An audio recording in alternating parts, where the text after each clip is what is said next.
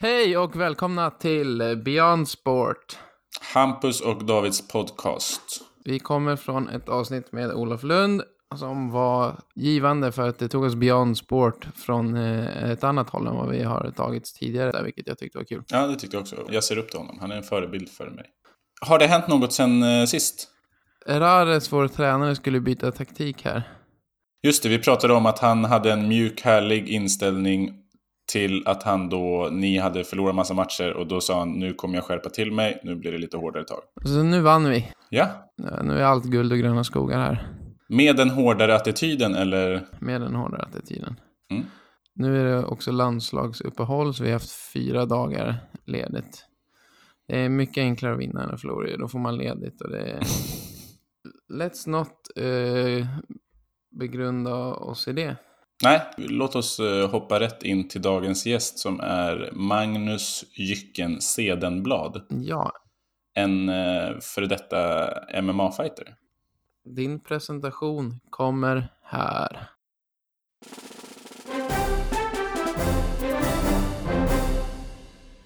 Magnus Jycken Sedenblad är född nådens år 1982.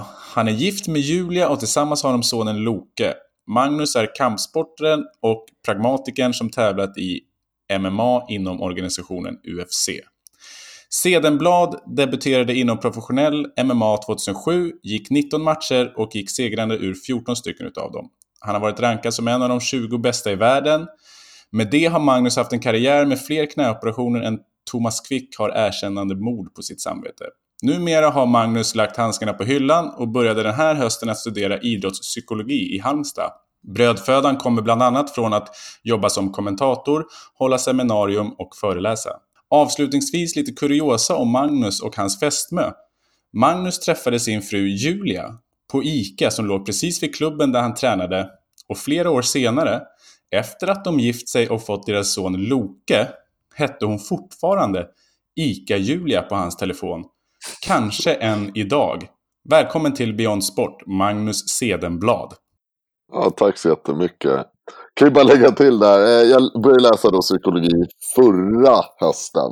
Ehm, och sen heter hon Julia Ica. Så det är viktigt att veta liksom. heter hon fortfarande Julia Ica? Ja, ja, men det gör hon. Ehm, jag har ju två andra Julia som jag känner, så vi måste ju separera dem åt. Ja. Jag tänker att man kan dela in folk i två olika grupper. Folk som har liksom för och efternamn väldigt korrekt i sin telefonbok och folk som har de här smeknamnen bara. Du har inte många efternamn då, Magnus, i, dina, i din telefonbok eller? Nej, men alltså jag har ju haft det tidigare i livet här. Men så bara insåg jag att det är så mycket bättre det här. För jag kommer ju ofta ihåg ett förnamn, eller man kommer ihåg i alla fall vart man träffar dem. Och söker man då på Julia, då har jag Julia Granne, Julia Ica. Ja, men det är min fru, det vet jag ju då liksom. Kommer jag ihåg det. Och så har jag Julia Träning. Det är då en PT-kund liksom. Så det, är, det är skitbra. Ja, det är tydligt. Ja. Mm.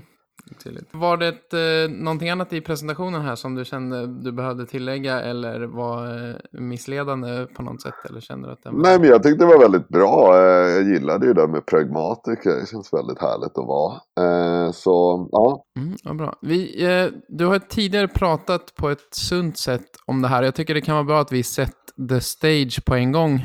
Många har kanske en liten underliggande bild eller känsla av att MMA är våld som kan vara farligt. Kan du förklara för oss och lyssnarna om hur du ser på MMA och vad våld är egentligen? Att det kan vara farligt, det är uppenbart att det kan vara.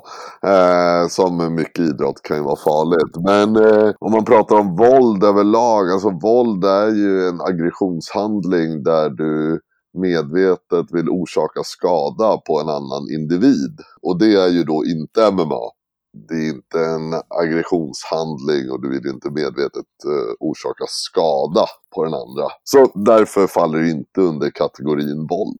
Vad, vad skulle du säga att MMA går ut på då? Vad är liksom målet och syftet?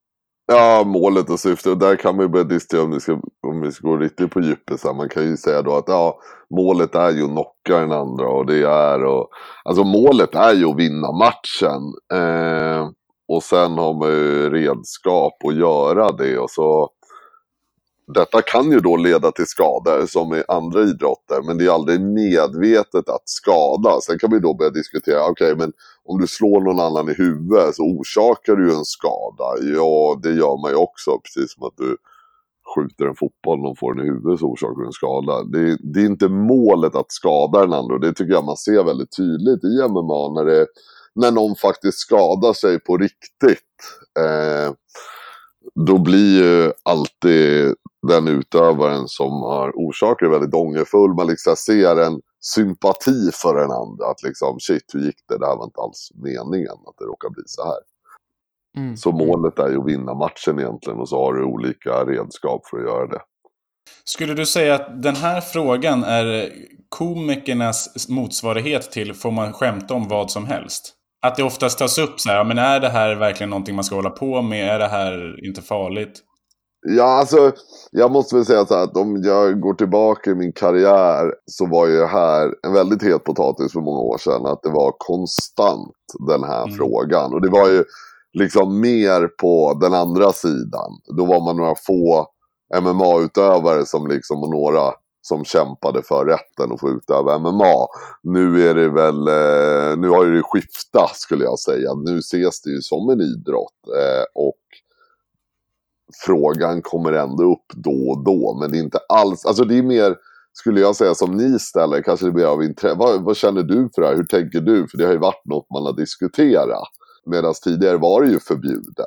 Och liksom, hur ska man kunna tillåta den här galenskapen med den tonen kanske på diskussionen? En grej som jag undrar då som är lite lekmannamässig är, alltså vart tycker du att det gör ondast att få stryk på? Nej men alltså när, ondast, eh, när man väl går match så gör ju väldigt få saker ont. Så här, kroppen är jobbigt att få stryk i. Alltså så här, slag i magen, för det sitter ju ofta kvar. Eh, mm. Ett slag i huvudet, det är mer, alltså, det är mer den här smärtan, man bara, ah, det känns. Det är mer en känsla, alltså, okej okay, det kändes. Men kroppen, det ger ju en, ett slag i magen, det är liksom en våg genom hela kroppen av obehag och man känner att man kommer närmare och närmare en förlust. Mm. Ska vi ta det här tillbaka till, till början lite Magnus också? Och hur kommer det sig här att eh, du började med, med kampsport och har du hållit på med andra idrotter innan det som eh, var roliga eller varför blev det just eh, MMA här? Ja, nej men jag har absolut hållit på med andra idrotter. Jag började ju spela liksom tennis var ju min första sport och så började jag med fotboll lite senare. Och så började jag spela lite golf eh, och sen då ganska många år senare började jag med MMA. Jag började ju väldigt sent. Jag började ju som 22 år gammal eller någonting var jag. Jag hade, jag hade kollat på tv eh, och så såg, fan det ser ju häftigt ut eller wow, det där skulle jag vilja prova. Inte just det de gjorde på tv men tänk att lära sig typ att sparka sådär eller rulla runt på marken. Det, det var ju någon lockande i det. Och så var det en polare som faktiskt började på jujutsu. Och så bara, ah, men häng med, jag började på Jutsu Det var han och jag som kollade på eh, Pride var det då tillsammans. Och så följde jag med och så efter stannade jag kvar efter jutsun. Då var det kickboxning, så stannade jag kvar och var med där. Och så bara tyckte jag det var väldigt roligt. Så det är liksom inte mer konstigt än så egentligen. Och så rullade det på och så blev jag bättre och bättre, tränade mer och mer. Och så, ja, som allting, all utveckling. Lite upp och ner resor där men så ja, fortsatte i alla fall.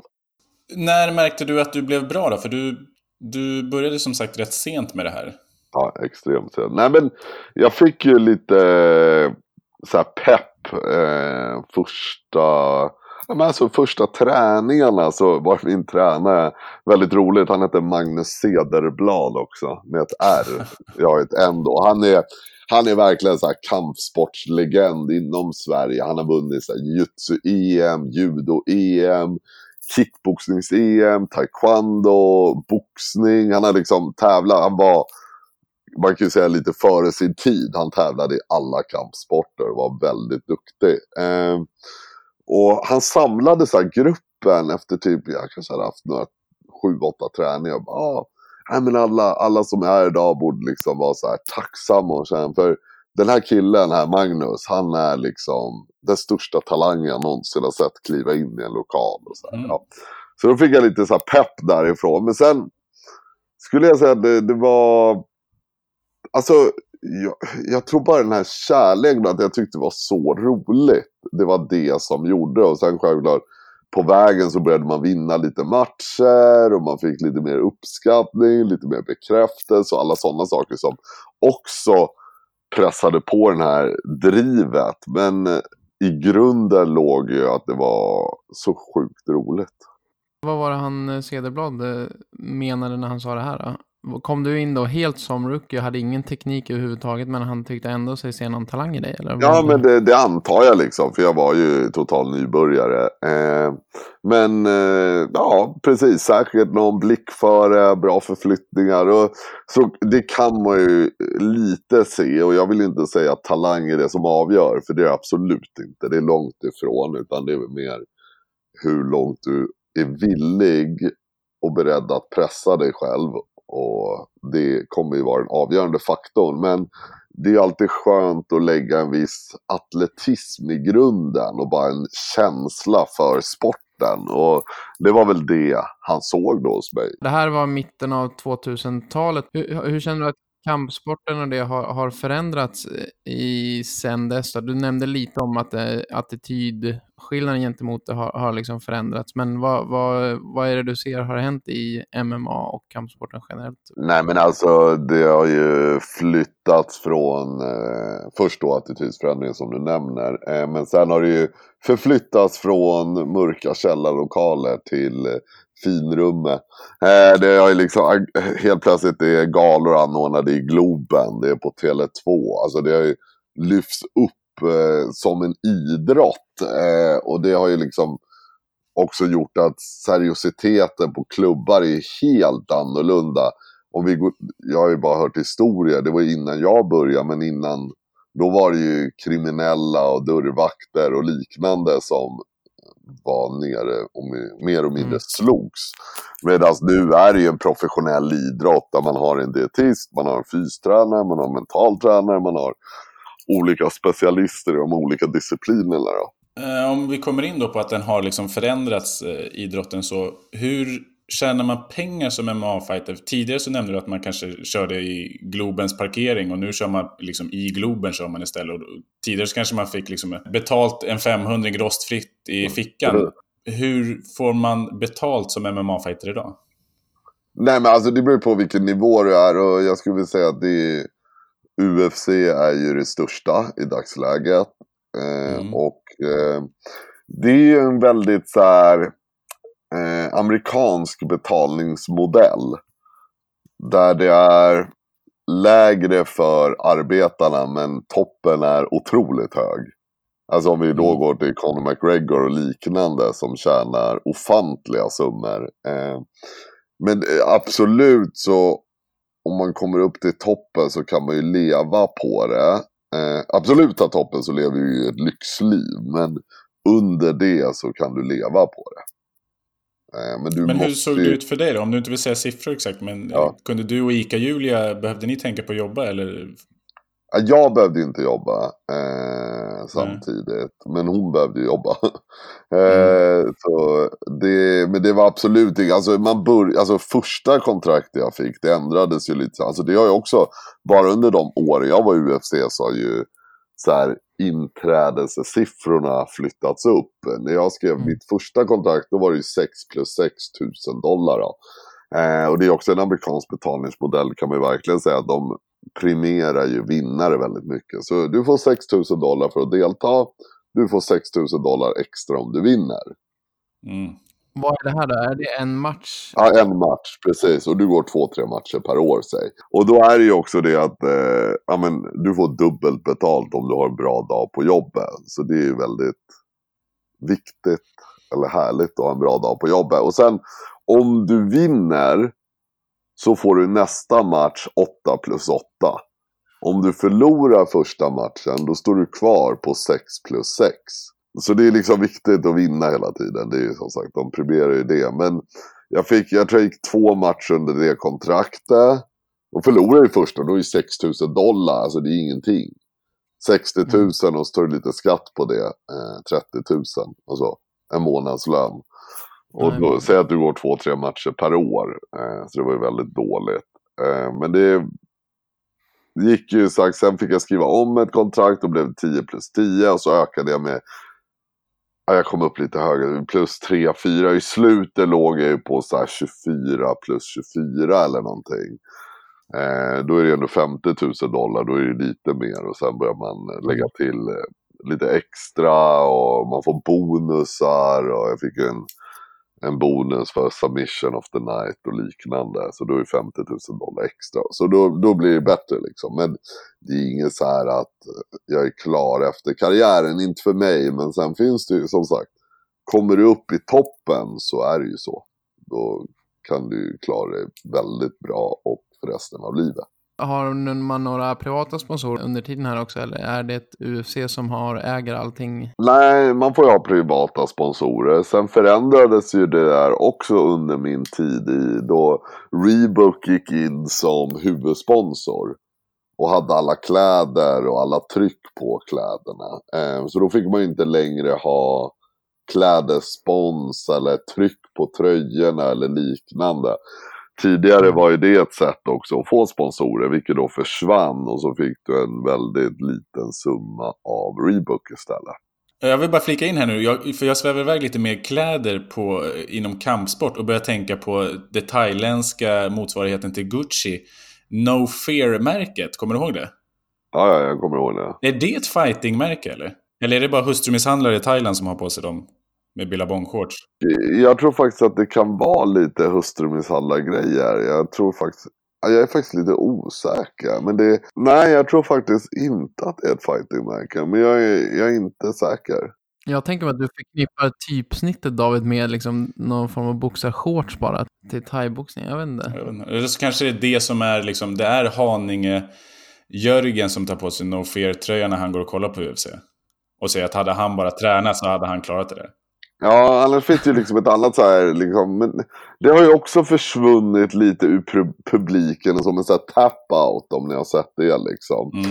Eh, det var ju mycket det här, Bad Boy var ju också liksom ett stort märke inom, och det det är lite den här tribal-grejen liksom och dödskallar och lite mer av den där dödsmetallkänslan. Eh, det har ju försvunnit också lite mer och mer ur sortimenten. Det är också åt det bättre kanske. Ja, ja men jag, jag, skulle väl säga att det är lite åt det bättre hållet där. Bara innan vi släpper det här med UFC och hur det ser ut. Hur mycket tränar du och hur länge i förväg får man veta att man ska gå en fight? Eh, om man är under kontrakt med UFC. Om jag ser en vanlig träningsvecka när jag tränar, då var det ju eh, jag skulle säga med en 10-15 pass i veckan. Och sen när det blir så får man väl veta ungefär kanske, men det är olika, men säg fyra månader, tre, tre månader innan får man veta, fyra. Någonstans där. Mm. Och ja, men alltså jag tränade ju året om liksom, eh, varje vecka. Så det var ju samma sak liksom när det började närma sig match.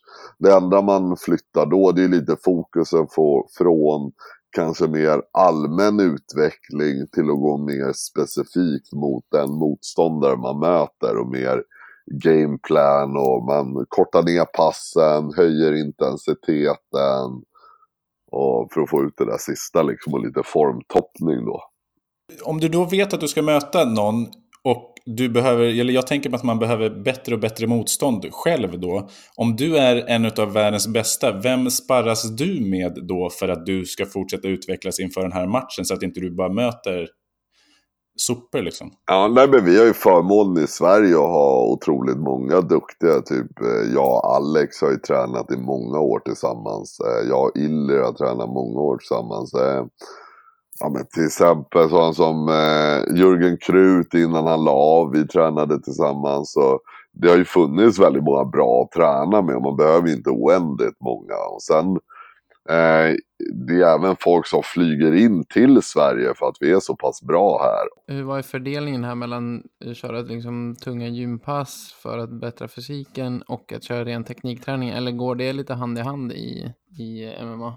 Nej men alltså det är absolut en fördelning. Eh, sen beror på, det är väl också individuellt. Jag låg väl ungefär på kanske, vad skulle jag säga, tre till fem fyspass och då resten MMA-pass och med teknik då. Sen, går, sen kan jag även då i teknikpassen och i fightingen för att vara idrottsspecifik så kan man ju lägga upp det som en fys. Eh, man vill ju, alltså all idrott består ju liksom av teknik, fysik, taktik och för att vara tidseffektiv vill man ju gärna få in alla tre moment så mycket man kan i varje pass. Mm. Så man lägger in fysmoment i fightingen också. Det fysmomentet som är inte man kan uppnå så lätt, det är just det här maxstyrkan. Då behöver man ju tunga träningskamrater.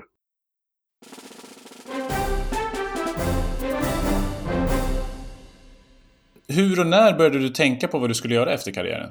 Ja, det var väl, alltså när jag, jag skadade mig 2016, höst, vintern, alltså december 2016. Eller ja, början på 2017 var det egentligen. Januari, ja, januari, februari 2017 skadade jag, eller kände jag att nacken blev så pass dålig så jag var tvungen att ta en paus. Eh, jag hade diskbråck i nacken.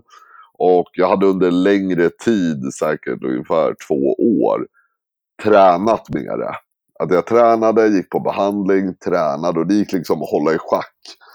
Eh, sen märkte jag där ja, januari, februari att liksom, okej nu, nu blir det bara sämre och sämre. Behandlingarna liksom tar inte mig tillbaka, det bara lindrar lite. Så blev det Mm. sämre och sämre, jag fick mer så här, huvudvärk, svårt att sova, ont i armen, började sticka, domningar och liknande. Så då sa jag att nu tar jag några månaders uppehåll och så kommer jag tillbaka. Och så blev det ju inte så. Eh, för ja, det blev ju inte bättre. Så ja, men jag tar några månader till och så höll det på sådär. Eh, och då började jag, jag började ju självklart fundera så här, okej vad skulle jag göra om det tog slut? För innan dess då hade det ju varit all in skulle jag säga. Att jag, såklart tanken dök upp när folk frågade så vad ska jag göra efter? Och sa, men jag sa ofta liksom, ja, men det tar jag då. Eh, för jag vill inte nu ha någon väg ut. Jag vill liksom vara, det här är det jag gör, punkt. Jag ser inga andra alternativ. Men sen under den här tiden då när jag var skadad, då började man ju säga, ah, fan det kanske är slut nu. Vad ska jag göra då? Då gick ju lite blandade tankar på olika saker och så vidare. Men sen började jag intressera mig, eller jag hade ju haft ett intresse för idrottspsykologi och gått till idrottspsykolog och så. Då sökte jag in till universitetet och så och då hade det gått ja, ett år och sju månader eller någonting. Och så sa jag det liksom. Kommer jag in, då skiter jag i MMA. Då lägger jag den åt sidan. För det har gått ett och ett halvt år. Jag har fortfarande ont. Det är liksom, ja, någon gång, även om det var då eller fyra år senare. Så kommer jag behöva lägga handskarna på hyllan. För det går inte att vara hur gammal som helst. Så då liksom bestämde jag mig för det. Och så kom jag in på eh, linjen då. Och då sa jag, ja men då skiter jag i liksom. Och så flyttade jag min fokus till skolan. Hade du ett UFC-kontrakt då som gav dig 20 000 dollar för nästa match eller något sånt? Ja. Som liksom gjorde det hela tyngre? Eller? Absolut, eh, det är såklart att det gjorde det. Eh, Och det, men det var lite min så här, sista fråga till mig själv. Eh, För mitt fokus har aldrig varit pengar utan det har bara varit otrolig förmån och fått betalt och möjlighet att göra det man älskar som liksom ja, sitt jobb. Eh, och då ställde jag mig frågan där i slutet så här i sommaren där kommer jag ihåg att så, okay, men om jag skulle få 10 miljoner idag hade jag fortsatt med fighting? Och då var liksom svaret nej, det hade jag inte gjort. För det gör för ont, det är för jobbigt och jag känner inte att... Det började bli också en risk kände jag, att det började säga okej, fan, tänk om inte nacken blir bra, tänk om det blir sämre. Det här kommer kunna påverka hela mitt liv. Konstant huvudvärk, konstant svårt att sova och helt plötsligt kunde jag inte ens göra saker som jag Som att spela tennis kunde jag inte göra för det gjorde ont liksom. Och då började jag känna så här, fan det här kommer påverka hela mitt liv. Och då kände jag det, skulle jag få pengar så skulle jag sluta. Och då blev det, då insåg jag så här, okej nu är min drivkraft som ett jobb.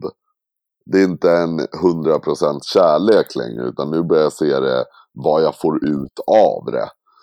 Eh, Och då hade mitt fokus flyttats från en inre till en yttre motivation. Och då kände jag så här, ah, men då, då är det inte för mig längre. Och så kom jag in på utbildningen och då liksom la jag handskarna på hyllan. För då hade jag också hittat då något nytt jag var väldigt intresserad av och ville fokusera på. Om jag bara får hugga dig där, för du pratade lite om bestående men från din karriär. Hur skulle du se på att din son Loke skulle säga så här, men du, jag vill börja med MMA pappa? Jag vill ju att han börjar på någon kampsport. Mm. Jag är ju mer inne på den martial art-delen till en början. Där eh, jag vill ju ge han först en fysisk utveckling. Vilket man får väldigt mycket i kampsporten. Eh, jag vill få en mental utveckling, både i form av liksom kunna kontrollera sina känslor. Vilket man lär sig väldigt mycket i kampsport, då någon slår dig i ansiktet. En normal människa blir arg. Du håller dig lugn och fokuserad. Och det kommer ju samma känslor upp, det är bara att man lär sig hantera det och kontrollera det. Vilket jag tycker är väldigt bra att lära sig hantera sin ilska och hålla sitt fokus på nuet. Och sen är det ju i eh, martial art kampsport då väldigt mycket disciplin. Om jag ser till exempel när de spelar fotboll, då springer alla runt och skriker och sparkar bollar. Och det är väldigt lite fysisk utveckling skulle jag säga. Och det är väldigt lite disciplin och det är väldigt lite mental del i det. Medan kampsporten har mycket mer det här ja, men speciellt de asiatiska formerna. Liksom. Att man sitter ner innan, man visar respekt för tränaren, man bugar för sina eh, träningskamrater och man är respektfull. Och det är verkligen något jag vill ge han. Och eh, ja, det vore kul om man gillade det. Men sen då frågan om han skulle, pappa jag kommer satsa på MMA och bli UFC-proffs och bäst i världen. Eh, självklart vill jag tycka att han ska få göra det han tycker är kul för jag vet hur mycket det har betytt för mig och det är en fantastisk resa han kommer få vara med om. Men hade jag fått välja så hade jag hellre velat att han blev golfproffs. Mycket mindre skador, mer pengar, går att hålla på längre tid liksom. Eh, så det, det hade ju valet fallit på golf istället men ja, samtidigt skulle jag tillåta han göra vad han ville. Hade du eh, tränat honom om han hade börjat på MMA? Ja, absolut. Eh, utan tvekan. Jag hade ju, som jag säger, jag skulle vilja, jag vill ju att han ska vara lycklig och få uppleva massor med härliga saker. Och det kan man ju få göra om man blir bra på något. Eh, där kan jag ju verkligen se fördelen att bli riktigt, riktigt bra på något. Jag tror man får ett bättre liv om man blir bra på något. Och sen då, ja då hade jag velat ge han det och ge kanske han de sakerna jag inte fick i min karriär. Och jag kan ju se det utifrån och även ha varit i det. Och liksom, ja, jag tror jag skulle kunna göra det riktigt bra för honom. Om jag bara får ta tillbaka det här till dina studier. Har du kommit till några insikter under det här ett och ett halvt åren, eller ett året eh, som du har studerat idrottspsykologi som du inte hade liksom innan om du har sett några nya perspektiv eller förstått någonting som du inte förstod förut? Ja, ja men alltså det är ju självklart, eh, man har ju fått en mycket, alltså jag kan ju relatera mycket, för det här är ju sånt jag har funderat på, jag skulle säga sen gymnasiet hårt, mycket liksom, jag har läst mycket om det innan och varit väldigt ja, nyfiken på ämnet. Eh, Sen har man självklart fått vad ska jag säga, mer, mer verktyg och mer benämningar. Man har bättre koll på vad som funkar, vad som inte funkar. Men det här har man sett liksom, de här studierna på. Det, det är mycket sånt. Och då kan man ju relatera det till sin karriär. Liksom. Ja, men det, det förstår jag. Liksom. Ja, men det där, just det, det var därför jag kände så i det läget. Så man får en bättre förklaringsmodell för det man har upplevt. Och det är väldigt skönt, alltså kunskap, det är ju så att jag har, jag känner att jag har något att hänga upp det på. Uppgifterna jag får, jag har ett skelett. Men så börjar jag liksom fylla ut eh, detaljer och man börjar se helheter i det. Så nej, det är väldigt häftigt och väldigt roligt och det är, ja, men det är väldigt många insikter jag har fått. Mm, jag Då tänker jag så här, om du hade gjort det här när du var 20 och liksom gjort det parallellt med med din MMA-karriär och kanske haft det här redan innan, hade, du, hade det kunnat förändra dig och din karriär på något sätt eller? Men det tror jag absolut, 100 procent. Jag hade ju, i slutet av karriären hade jag ju förmånen att komma till en väldigt bra idrottspsykolog. Eh, eller han var psykolog, men och jag tyckte han var väldigt mm. duktig och gav mig bra insikter. Och det hade absolut kunnat förändra min karriär. Det är ju jätteviktigt att eh, det är det som är avgörande och hade jag kunnat det jag kan idag så hade det absolut hjälpt mig otroligt mycket. Så att å ena sidan så säger du att här, man ska koncentrera sig på sin karriär, eller du tycker att, att här, jag koncentrerar mig på min karriär för jag vill inte ha någon väg ut. Men det låter också lite som att du hade ju mått bra av både du och din karriär av att kanske pluggat under tiden också, eller?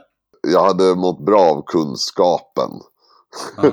jag, det var ju, jag hade ju velat haft kunskapen. Sen vet jag inte då, alltså om frågan var rent praktiskt så hade den ju inte mått bra av att läsa 100% på universitetet samtidigt. Nej. Det hade ju tagit på tok för mycket tid och för mycket fokus. Sen kunskapen jag har fått av det hade absolut hjälpt mig.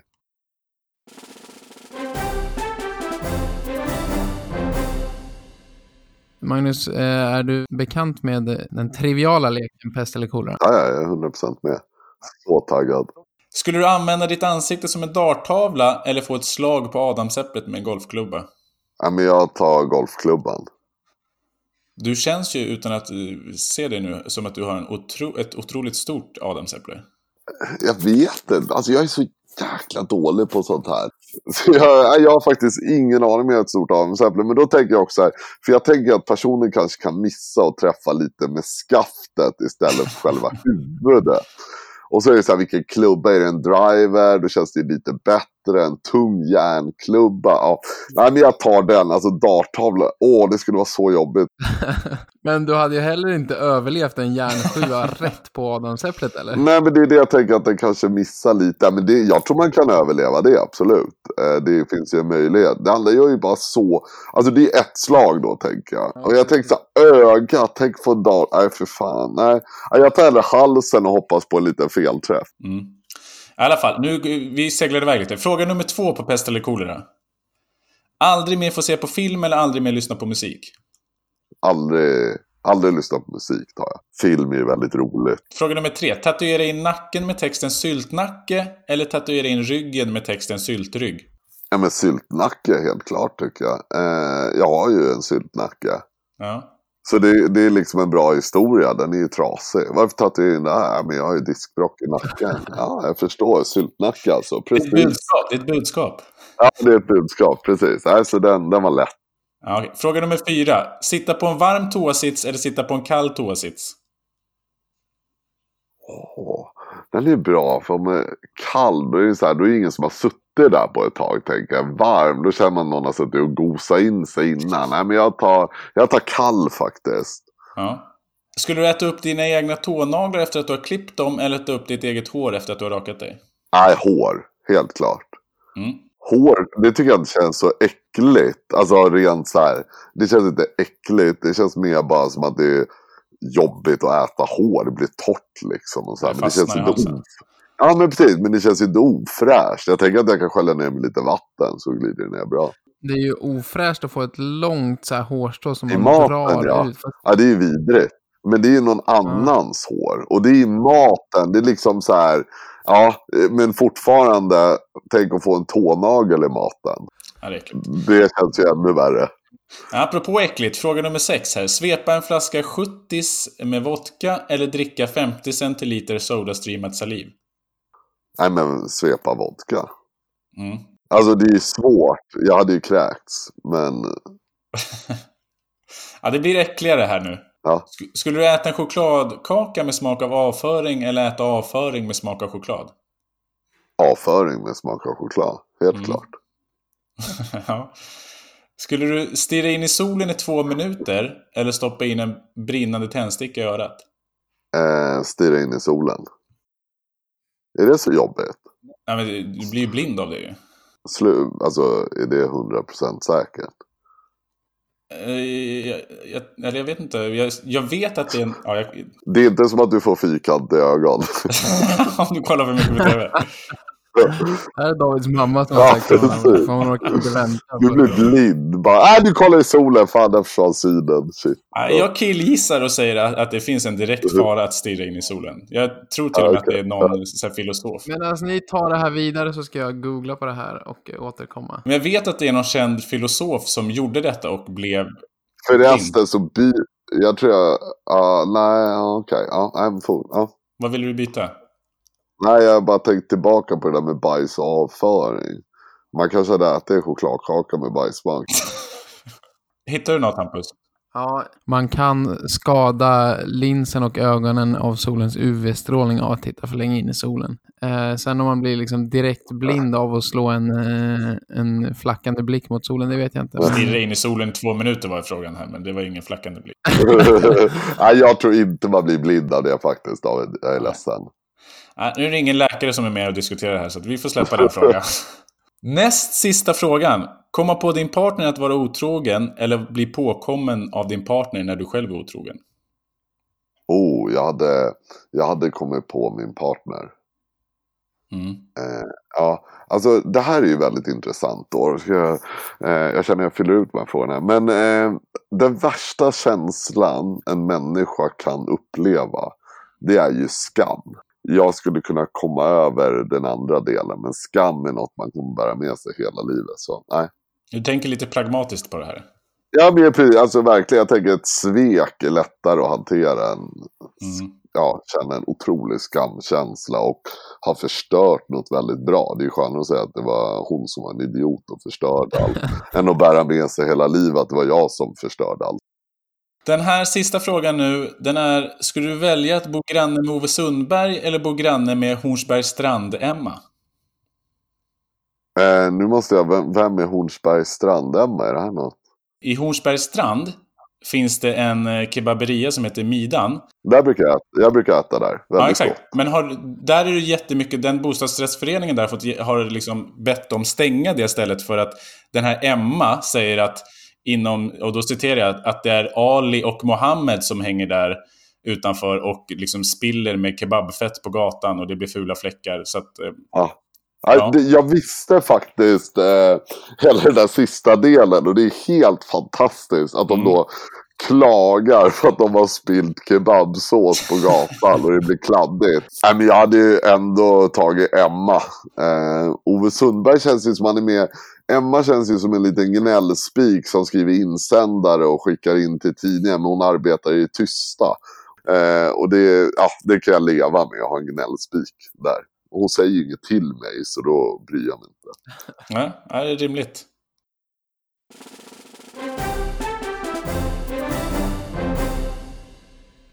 Kan inte du berätta om hur du tog och köpte en enkel biljett till Rio och vad som hände därefter och varför du gjorde det? Nej men det var ju det. Jag gick i skolan. Då pluggade jag till naprapat eh, på naprapathögskolan. Och så kände jag liksom att jag ville åka iväg och träna eh, brasiliansk jiu-jitsu. Och så köpte jag en biljett till Rio. Det var ju dock inte enkel ska jag säga. Utan det var ju tur och retur. Men på, den kunde flyttas. Jag tycker för storyns skull, nästa gång du berättar den här så, så håll det bara till en enkel. Ja, Okej, ja, ja, jag håller, jag håller absolut. Jag, jag ska krydda den lite. Men det här kan ju dock vara bra att man kommer ihåg då att eh, det jag berättar är ju inte lögner då. Det här är sant. Eh, nej men så, för då är det kanske någon som kollar upp den där biljetten och hittar den. Och så här, ja. Nej men så åkte jag dit och det var ju väldigt så här, fascinerande. För jag hade ju noll, jag skulle säga noll koll. Jag hade, jag hade en adress till en klubb. Det var det.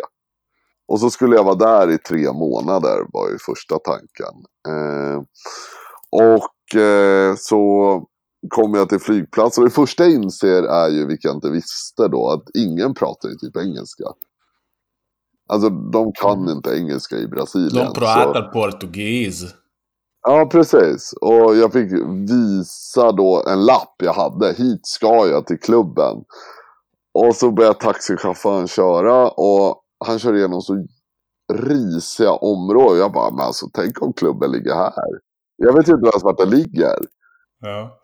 Så jag bara, tänk om den ligger här. Alltså mitt ute i ingenstans. Då, då ber han bara köra hem mig. Hade taxichauffören mycket tingeltangel i backspegeln? Ja, men det hade han. Ja. Det, det, det ingår ju lite tror jag där. Ja, okej. eh, men så kommer jag då fram till klubben och det är ingen där, de har inte öppnat. Så jag, ja ja, okej, jag går ner till stranden som ligger ganska nära. Och skitvarmt, så jag klär av mig och somnar i solen mellan typ 10 och 2. Inte så bra, jag brände mig lite. Eh, men sen, alltså, och det är så sjukt, alltså, jag kan ju än idag så undra, vad tänk, alltså jag hade ju aldrig gjort så här idag. Att jag bara åker till Brasilien, jag har inget boende. Jag har liksom ingenting och jag ska vara där. Jag har en stor resväska. Jag har inte kollat upp någonting.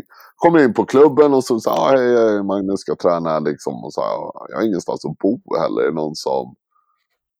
De bara, "Ja, men det kommer en svensk kille här lite senare som tränare. Du kan ju prata med han. Jag bara, kul. Så, och fortfarande pratar ju typ ingen då engelska. Så jag kan ju inte prata med någon. Så står jag och väntar. och Man, man, det här är ju så skönt. Man kan ändå se svenskar från typ en mils avstånd utomlands. Bara hur de eh, rör sig och så här. Bara, Ja. ja, där kommer han i alla fall. Så började jag prata med honom och sa han "Ja, men du kan sova oss, oss ikväll. För de var ju flera stycken. Och så sa han att det är en annan svensk på klubben som eh, bor bara med sin tjej. Och de har lite mer plats. Och så, han, så fick jag sova hos han några nätter och sen eh, var jag på klubben och hängde och försökte hitta den här andra svensken. Som jag sen till slut hittade och fick bo hos. Och där skulle jag säga att mycket av mitt liv förändrades faktiskt. I, ja, det var otroligt mycket. Hela min riktning förändrades där. För jag, eh, han var, jag tyckte ja, men han hade mycket bra tankar om livet och så här. Och vad han ville göra och vad han, han öppnade upp en del portar. Det handlar ju mycket om att göra det man älskar och göra det jävligt bra liksom. Så jag eh, mejlade skolan och sa att eh, jag kommer inte komma tillbaka. Och så stannade jag i Brasilien i tre månader till istället. Och Hur gammal är du här då? ja, men då är jag väl 23 skulle jag gissa på. Ja, det var väldigt så här.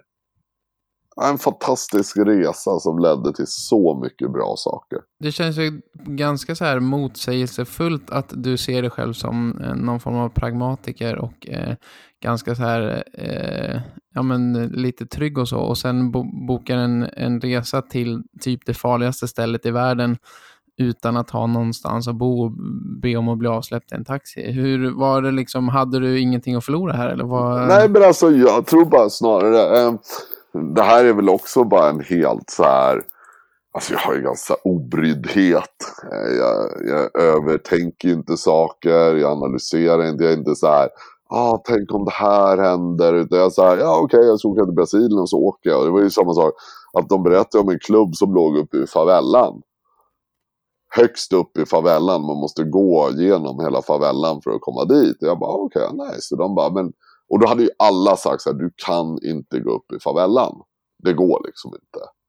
Du blir rånad. Folk blir av med kläder liksom. Det är ju folk som har kommit ner nakna därifrån. Så jag bara men alltså. Vad, alltså jag tänker ju rent logiskt, varför ska de ta mig om de kan ta någon gammal tant eller fan, alltså. Så jag bara, äh, men, alltså jag tror inte att det finns en möjlighet att de skulle råna mig. Så jag behöver ju inte ens, jag tar inte med mig några grejer dock när jag går upp dit. Och så gick jag upp. Eh, och det var ju väldigt fascinerande när man började bara gå. Så bara, jag kan ju inte så mycket portugisiska, jag lärde mig lite. Men alla blir ju direkt när jag börjar kliva in i favellan, det är ju en väldigt så här, tydlig linje. Då de har liksom vakttorn och sånt. Eh, in, in i favellan, där de skyddar sig mot då, eh, boppers och polis och andra som attackerar dem. Eh, och direkt när man klev in och så bara kom massor med småbarn bara gringo, gringo, dinero, dinero. Så här. Man bara, jag förstod inte vad de menar riktigt heller. Så jag bara, ja, så jag fortsatte. Så hade man så här massor med barn springande omkring sig när man gick upp där i favellan. Eh, och folk tittade ju väldigt konstigt för eh, det var inte många med min hudton där. Eh, så jag stack ju verkligen ut och var en minoritet. Och folk tittade annorlunda på en Men det jag måste säga när man gick upp där i favela, det som var så fascinerande. Man tänker lite så här, oh shit vilken misär det kommer vara här. Det här kommer vara kanske lite tufft. Men det man upplever är ju en väldig så här glädje. folk dansade och det var musik och folk satt ute och spelade spel och det var väldigt så här glatt. Det var inte alls den eh, misären som jag trodde. Eh, och jag kom upp till träningen och jag tränade och jag kom ner helskinnad. Och jag blev inte... Jag hade ju vänner som blev ja, vänner och bekanta som blev rånade flera gånger under sin vistelse där. Jag var ju berusad, jag var ute, jag kom hem, jag gick hem själv. Alltså ingenting hände. Helt fantastiskt. Så, ja, men eh, då åter till frågan där. Det var, jag, jag är bara obrydd tror jag. Överlag, jag är inte en sån person som någonsin har oroat mig eller tänkt något dåligt. Alltså varför ska det hända något dåligt? Tänker jag. Och så, ja, så åker jag. Och det är ju, nu i efterhand kan jag ju tycka att det är konstigt. För jag hade ju nu kollat upp ett hotell i alla fall första veckan eller någonting. Eller något ställe jag kunde hyra ett hus. Alltså någonting. Ja, det här lät ju lite som att du hade pratat med Christer Pettersson och bett honom beskriva en bra resa och hur man skulle genomföra den. Om vi släpper Brasilien, det här som du pluggar nu då, idrottspsykologi. Ja. Du jag pratade lite om tidigare med det här med Ville Railo, den här författaren som har skrivit just om idrottspsykologi. Och i den mm. boken finns det om eh, flyktbeteenden. Mm. Till exempel i handboll då, som Hampus spelar så kan det finnas, om Hampus slår en dålig passning så kan han ta och stirra in i sin hand som att skylla på att äh, men det här var, jag hade för lite klister på min hand. Det var inte mitt fel att det gick så dåligt. Eller han tar en utvisning och skyller på någon annan. Vad, kan du se några flyktbeteenden inom MMA? Ja men absolut. Eh, jag skulle vilja säga om vi tar angående flyktbeteenden eller vad som helst.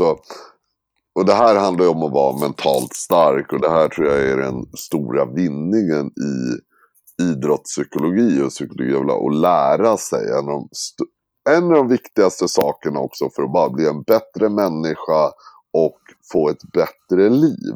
Det är ju att kunna hante alltså, hantera dina känslor. Att kunna handla i en värderad riktning eller handla i en riktning som du har bestämt dig för och inte handla i en riktning baserat på känslor.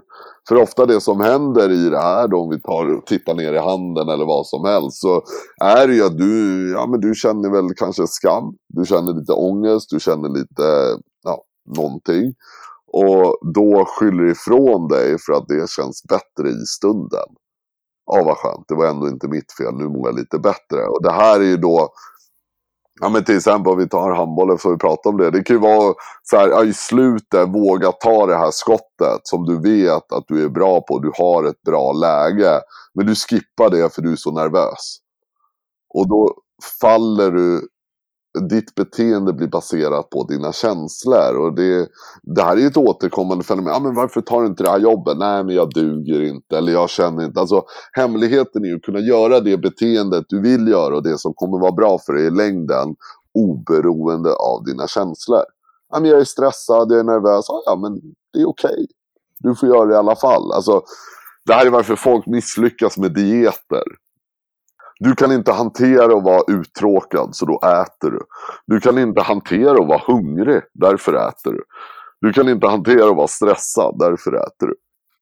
Alltså allt är baserat på känslor och det är verkligen det viktigaste man kan lära sig. Att hantera känslan. Det är inte att ändra känslan. Det är där jag skulle säga den gamla idrottspsykologin har lite fel. Att du ska tänka så här och ja, så kommer du känna så här eller du kommer bete dig så här. Nej, det handlar om att bete sig så här. Och bara komma ihåg att det är våra handlingar som skapar vårt liv och det avgör vem du är. Det är inte dina tankar och känslor. Och eh, kunna handla i den riktningen som du vill handla. Om, om vi pratar lite om att nå framgång eller lyckas. Du har sagt att du vet hur man, hur man lyckas och hur man når framgång i i det mesta skulle du säga. Vad är, vad är formulan skulle du säga, eller koden för det, förutom att man behöver träna mer än alla andra? Men det är ju precis det det är. Alltså medvetet träna. Alltså medvetenhet i det du gör. Att sen att bli bäst, det är, det är små marginaler. För det är tyvärr andra som gör det också. Eh, och har eventuellt lite mer talang och det är väldigt så här men det är inte framgång heller att nå det som du frågar om. Framgång är ju väl att nå din fulla potential inom det du gör. Sen vart den är, är ju olika för alla. Är du 1,50 och spelar basket, ja, det kommer nog inte vara NBA som är rätt för dig, men du kanske kan nå din fulla potential i alla fall. Det är enkelt att säga att man ska träna mycket och man ska träna mer än någon annan, men att göra det fokuserat och faktiskt reflektera och analysera lite över vad man kan göra ja. Eh, för att träna mer och bättre. Det, det tycker jag absolut låter superrimligt och som någon form av nyckel. Ja, ja, alltså det är uteslutande och det, det där kan ju vara en nyckel till att du kanske inte behöver träna mer än alla andra. För du kan ju träna väldigt mycket och bara träna fel. Men liksom, att man börjar spela så här. Okej, okay, jag, jag, jag coachar en del MMA-fighters. Du gör jättemycket så liksom. Men vad är du för typ av fighter? Vad är dina styrkor? Vad har du en naturlig fallenhet för? Hur kommer du att fightas? Okej, okay, då stärker vi upp det de delarna. Men hur kommer folk försöka vinna över dig när du är bra på det här? Ja, men de kommer göra så här. Okej, okay. då bygger vi upp ett försvar kring det. Och om jag tänker då handboll som du håller på med eller vilken idrott som helst kan man inte ha. Men liksom, okej, okay, du spelar på linjen. Vad behöver du vara bra på? Ja, men jag är så här och så här. Okej, okay, då stärker vi upp det. Men vad är dina brister som vi ändå kan lyfta upp lite? Men inte det här bara, men vi tränar bara allt. Och så hoppas vi vi blir bättre på något sätt. Nej, nej. Vad, vad behöver du stärka upp? Ja, men jag är en bra skytt. Okej, är du tillräckligt bra skytt kan du bli en bättre skytt. Är det något du kan träna för att komma i bättre skottlägen och så vidare. Att man har ett sånt tänk hela tiden, ett analyserande och så när man väl tränar. Men tränar du skott, okej. Vart vill jag träffa nu? Ja, men jag vill träffa där. Okej, varför träffar jag inte där just nu? Vad är det jag gör när jag träffar? Vad är det jag gör när jag inte träffar?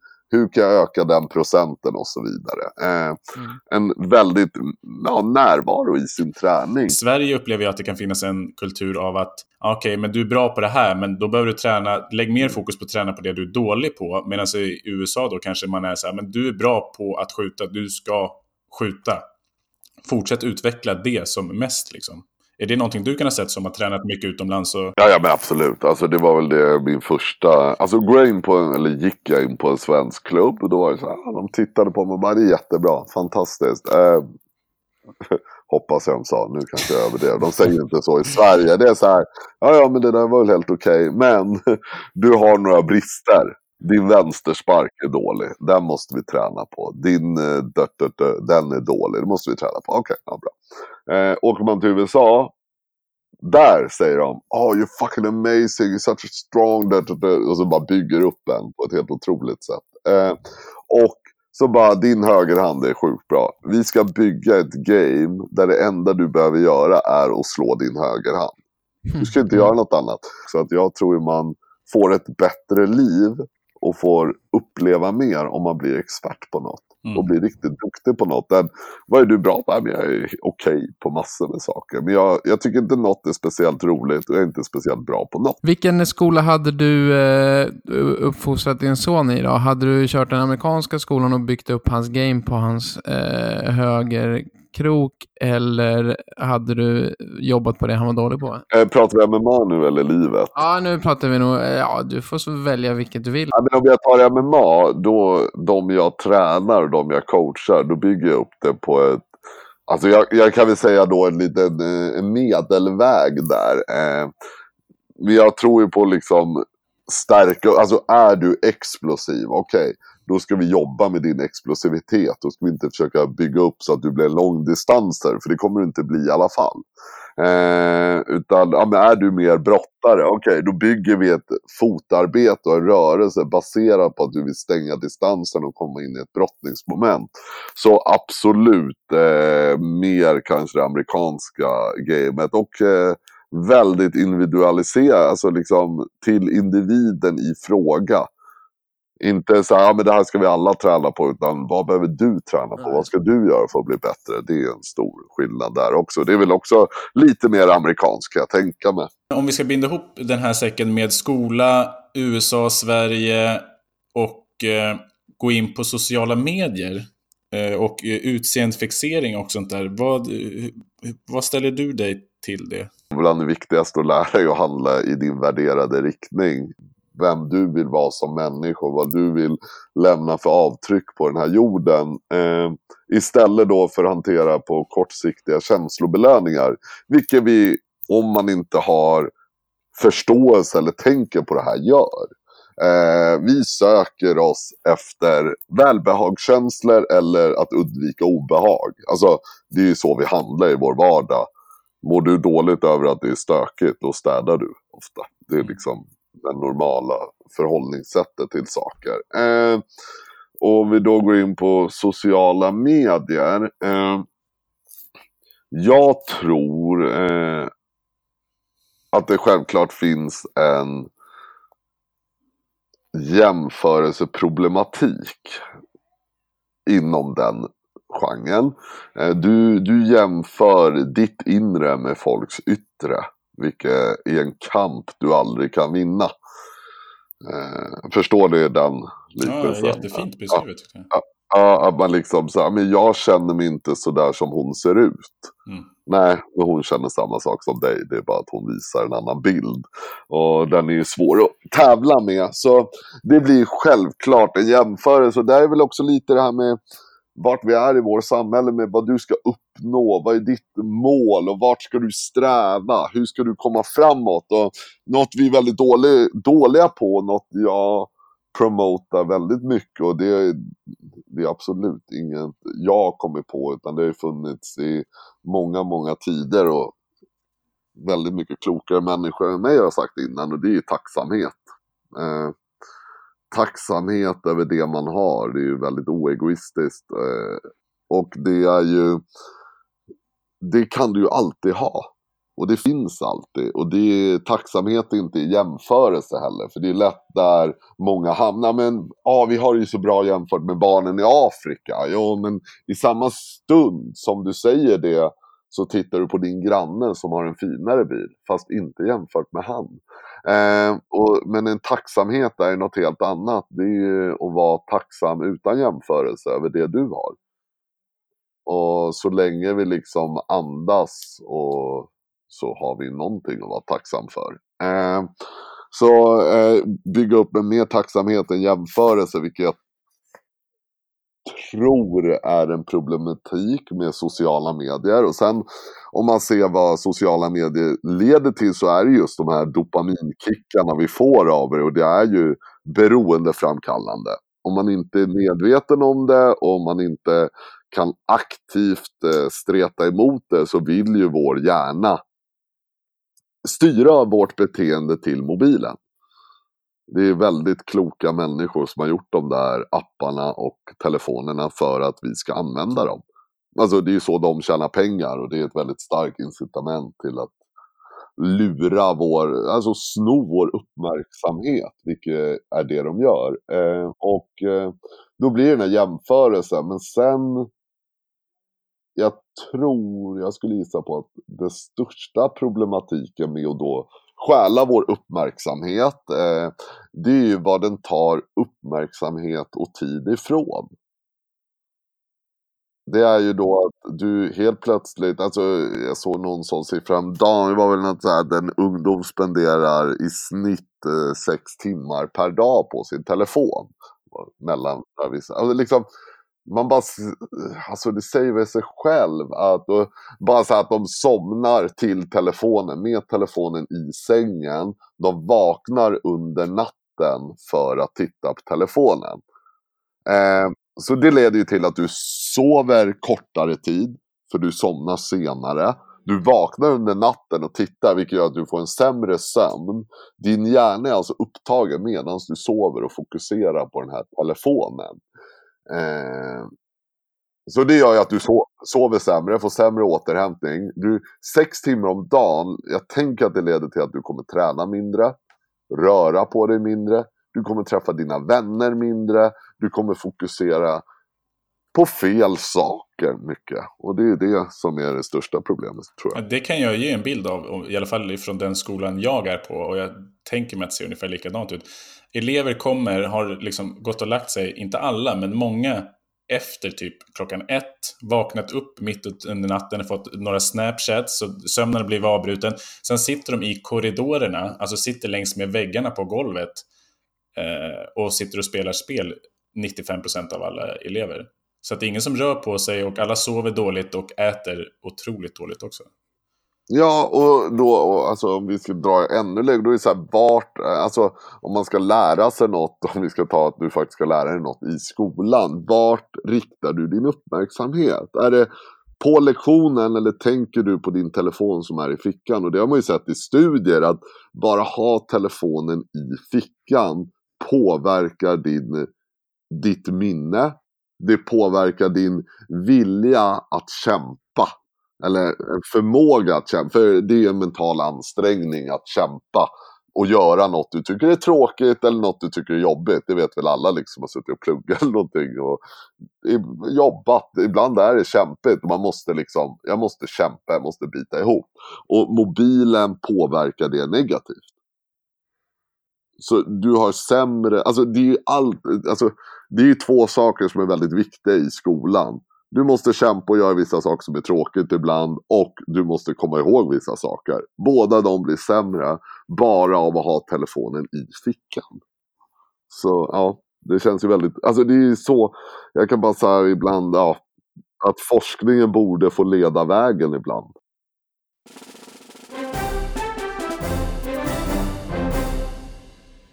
Byter man om i omklädningsrum tillsammans under eh, UFC-galor och så vidare? Eller hur ser eh, omklädningsrummet och det ut? Med sin motståndare eller med andra människor?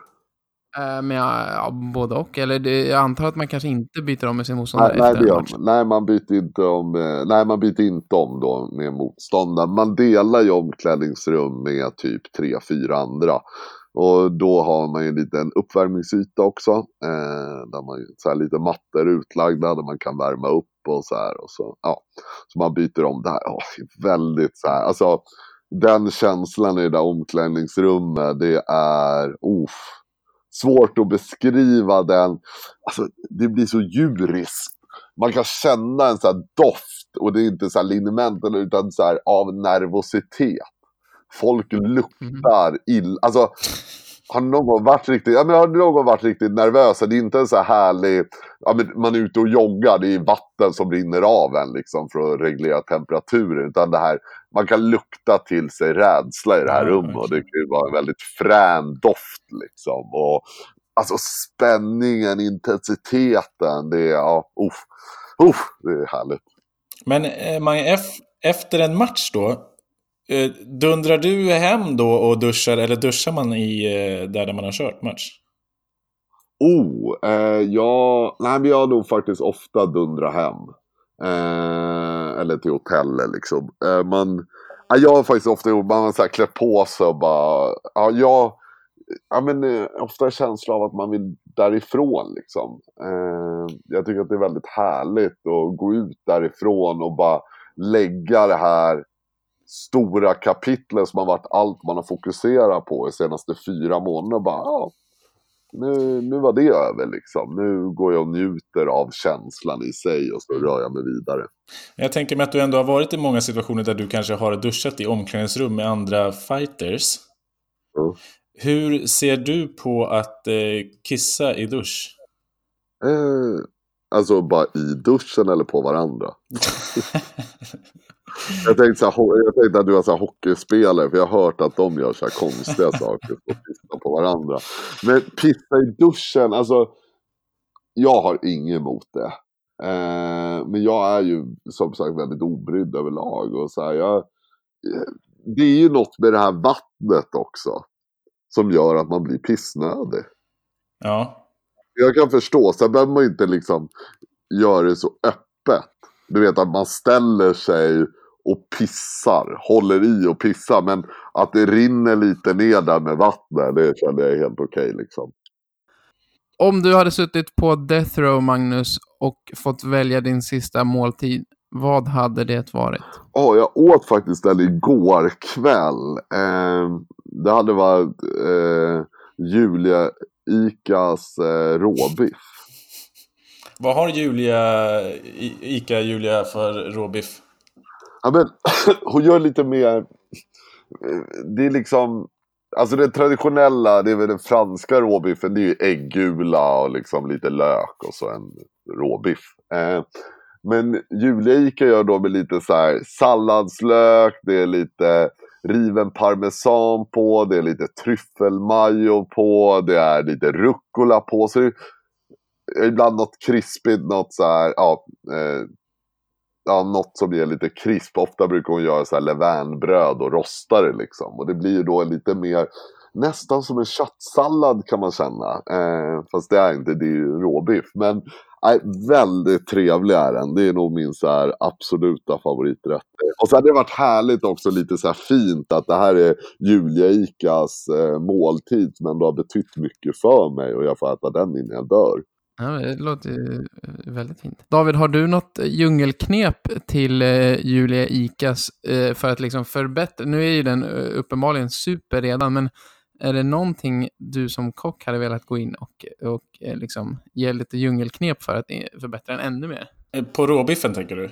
Ja. Alltså om man, om man inte tycker om alltså råbiff så som den är, som den då avslöjar namnet rå, utan man tycker om en halstrad råbiff. Och det här djungelknepet gäller för både hamburgare och eh, råbiff om man ska halstra dem då. Det är att steka dem i talg. Ja, det är väldigt trevligt. Ska vi eh, tacka Magnus så mycket för att du ställde upp. Mm, appreciate. Ja, men tack för att jag fick vara med grabbar.